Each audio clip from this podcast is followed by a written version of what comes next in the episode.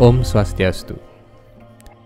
Hindu adalah agama yang penuh dengan ritual dan upacara. Dalam upacara keagamaan khususnya di Jawa dan Bali, tak jarang kita melihat bendera atau kober berwarna-warni, tedung, dan umbul-umbul yang merupakan perlengkapan dalam rangkaian upacara yadnya. Jika kita pernah memperhatikan gambar-gambar yang ada pada bendera dan umbul-umbul tersebut, kita mungkin akan bertanya, mengapa atribut-atribut itu selalu ada dalam hampir setiap upacara keagamaan? Siapakah sejatinya tokoh dalam gambar-gambar itu? Untuk menjawab hal ini, mari kita kembali pada kitab suci Weda. Karena segala sesuatu harus ada dasarnya, dan kitab suci Weda lah yang dapat menjawab pertanyaan ini.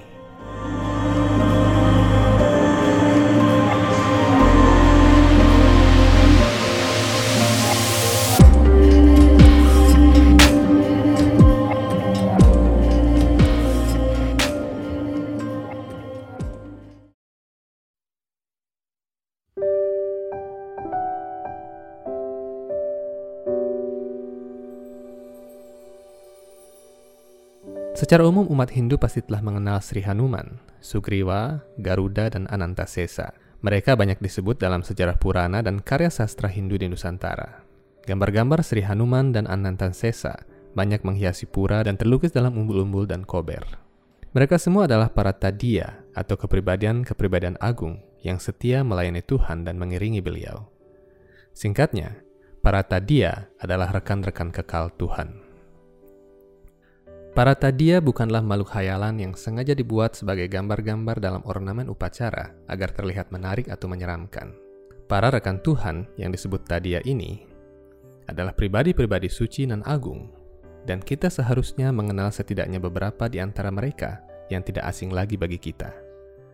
Dan kita sebagai umat Hindu hendaknya juga mengetahui bagaimana seharusnya kita menghormati dan memuja rekan-rekan Tuhan yang agung ini. Sri Hanuman Nama kecil Hanuman adalah Anjaneya. Beliau adalah putra Batara Wayu dengan seorang putri bernama Anjana. Hanuman adalah penyembah agung Tuhan Sri Ramachandra yang senantiasa menemani beliau dalam setiap kegiatan rohaninya. Dalam kisah sejarah Ramayana, suatu hari Sri Hanuman pada saat beliau diutus untuk mencari kerajaan Rawana, beliau tidak sengaja mendarat di sebuah pulau dengan hutan yang rimbun. Pulau itu berada di timur Gunung Meru, di tepi lautan Kesira, dari uraian Purana, pulau itu memiliki ciri-ciri yang cocok dengan kepulauan Nusantara. Dalam peradaban Hindu Nusantara, nama Sri Hanuman sudah tidak asing lagi. Sama seperti di India, Hanuman dipuja oleh para Vaishnava pada zaman lampau di Nusantara melalui syair-syair indah kekawin dan parwa. Dalam cerita pewayangan, Sri Hanuman adalah salah satu tokoh yang paling dinanti-nanti sebagai pahlawan perang. Uraian dalam kitab suci Veda, khususnya dalam itihasa mengenai Sri Hanuman adalah otentik. Karena itu Sri Hanuman juga adalah tokoh sejarah, bukan reka cipta manusia. Beberapa kalangan bisa saja beranggapan bahwa itihasa adalah kisah fiktif atau simbolik, namun itu hanyalah anggapan mereka saja. Itihasa sesungguhnya adalah kisah sejarah yang benar-benar terjadi. Maharsi Vyasa, yang menghimpun seluruh pengetahuan Veda, dan banyak resi lainnya yang memiliki tingkat rohani yang tinggi, tidak akan mungkin mau membuang-buang waktu dalam menyusun dongeng-dongeng Tuhan dan para penyembahnya, dan menganggapnya sebagai kitab suci. Para resi tersebut adalah kepribadian yang telah menguasai Trikalagyana atau kemampuan untuk melihat masa lalu, masa kini, dan masa depan. Mereka adalah saksi-saksi turunnya Tuhan dalam berbagai awatara beliau dan mengabarkannya kepada generasi di masa depan tentang betapa agungnya Tuhan. Bukti-buktinya pun masih ada hingga kini. Kita kini masih dapat bersembahyang di Ayodhya, mandi di Sungai Sarayu, kota kelahiran Sri Rama, serta melihat kerajaan Rawana di Lanka yang kini menjadi Sri Lanka. Arjuna Siapa yang tidak tahu Arjuna? Di antara sekian banyak rekan Tuhan yang kekal, Arjuna adalah seorang pahlawan perang Mahabharata yang menerima pelajaran Bhagavad Gita langsung dari Tuhan sendiri. Wahyu ini disabdakan oleh Tuhan Sri Krishna 50 abad silam di medan perang Kuruksetra. Setiap umat Hindu yang berkunjung ke tanah suci Kuruksetra akan dapat menyaksikan pohon beringin besar tempat Tuhan menyabdakan Bhagavad Gita kepada Arjuna. Tempat itu bernama Jyoti Sara, dan umat Hindu biasa membaca Bhagavad Gita di tempat itu ketika perayaan Hari Suci Gita Jayanti. Hari diturunkannya Bhagavad Gita yang biasa jatuh pada bulan Desember. Sebagai umat Hindu, kita wajib mengaturkan sembah sujud kepada Arjuna sebagai penerima pertama Bhagavad Gita. Sabda Bhagavad Gita ini dicatat oleh Maharshi Vyasa dan diturunkan sebagaimana aslinya melalui garis perguruan rohani Weda hingga saat ini. Pada saat perang di Kuruksetra seperti yang disebutkan dalam Mahabharata, Arjuna menaiki kereta yang diberikan oleh Batara Agni dan memakai lambang bendera Hanuman, sehingga Arjuna dikenal sebagai Kapidwaja atau ia yang memakai bendera Hanuman di keretanya. Bendera Kapidwaja ini menjadi inspirasi para leluhur Hindu Nusantara untuk membuat bendera-bendera atau pangawin yang bergambarkan Hanuman. Sementara itu kereta milik Tuhan Sri Krishna sendiri memiliki sebuah bendera bergambar Garuda di puncaknya.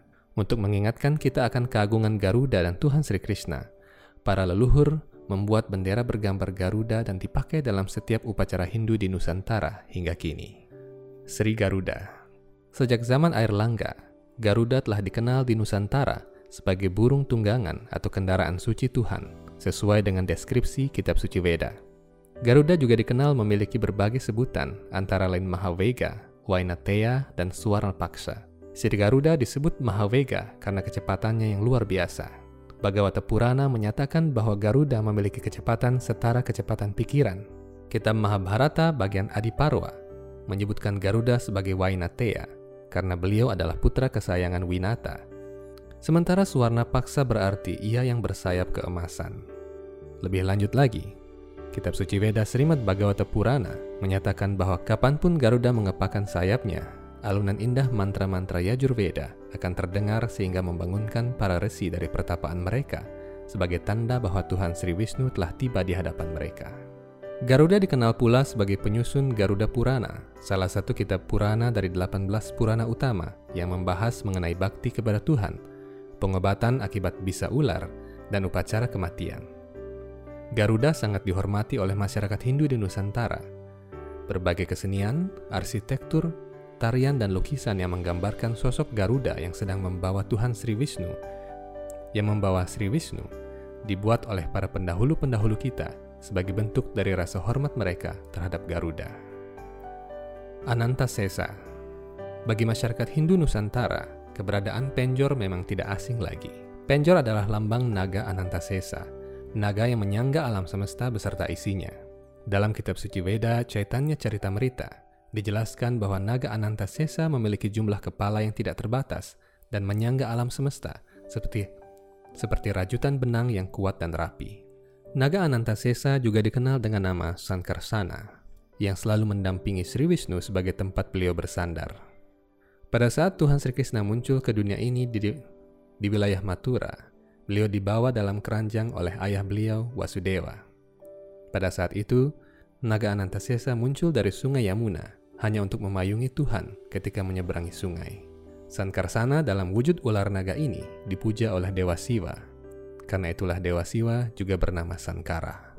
Naga penyangga alam semesta ini dilambangkan oleh masyarakat Hindu Nusantara dengan penjor yang dipasang pada saat hari suci galungan pada penjor, umat Hindu menggantung berbagai jenis buah-buahan dan kue dari biji-bijian sebagai persembahan kepada Anantasesa yang menjaga keseimbangan alam semesta.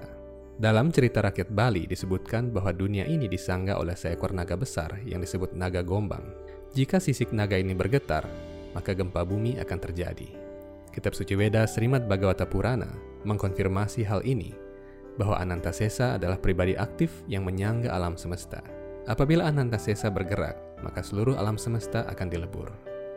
Hadirnya para kepribadian agung ini dalam keseharian umat Hindu di Nusantara adalah salah satu keberuntungan bagi kita.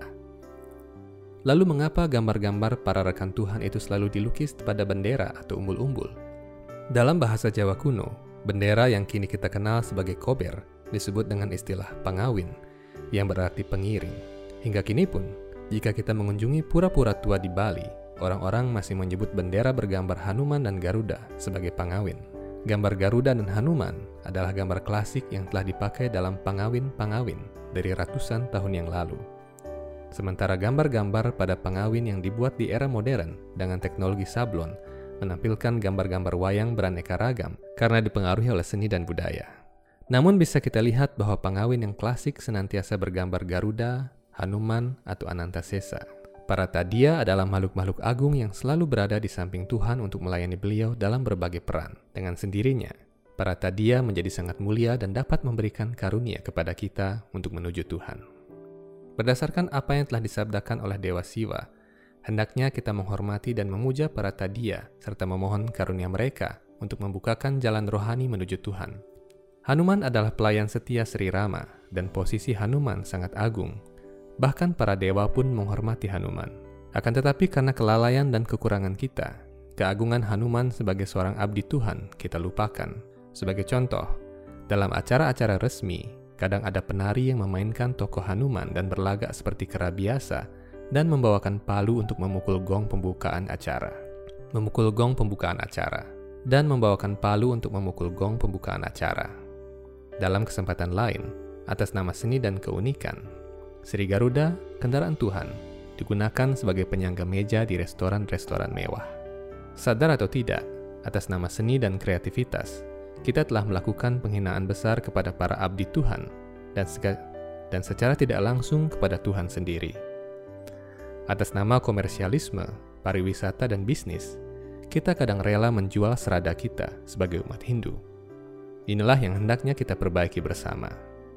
Dengan berbekal pengetahuan mengenai para tadia, marilah kita bersama-sama mulai mencakupkan tangan dan bersujud kepada mereka, memohon karunia agar segala kelalaian kita sebagai makhluk yang jauh dari kata sempurna bisa dimaafkan dan bakti kita kepada Tuhan dapat disempurnakan. Dengan menyimak uraian mengenai para tadia ini, semoga pengetahuan rohani kita bertambah sebagai umat Hindu sehingga kita tidak melakukan penghinaan dan kesalahan lagi terhadap rekan-rekan kekal Tuhan, seperti Hanuman, Garuda, dan Arjuna. Dengan bertambahnya pengetahuan rohani kita, kita hendaknya mulai berbenah dengan menaruh penghormatan dan, dan menjaga kesakralan para tadia tersebut. Marilah kita belajar untuk membedakan sesuatu yang sakral dan sesuatu yang bernilai seni. Dengan kata lain, bagaimana kita menjadi sadar untuk membedakan mana nilai rohani yang ajak dan patut dijunjung dan mana nilai seni yang dikomersilkan atau dieksibisikan. Dengan demikian, kita sebagai umat Hindu akan semakin berjaya. Tentu saja, para tadia tersebut pasti akan mencurahkan karunia mereka untuk kita semua. Sekian episode Hindu Times Channel kali ini. Sampai bertemu dalam video-video berikutnya dengan topik lain yang tidak kalah menarik untuk dibahas. Om Santi Santi Santi Om.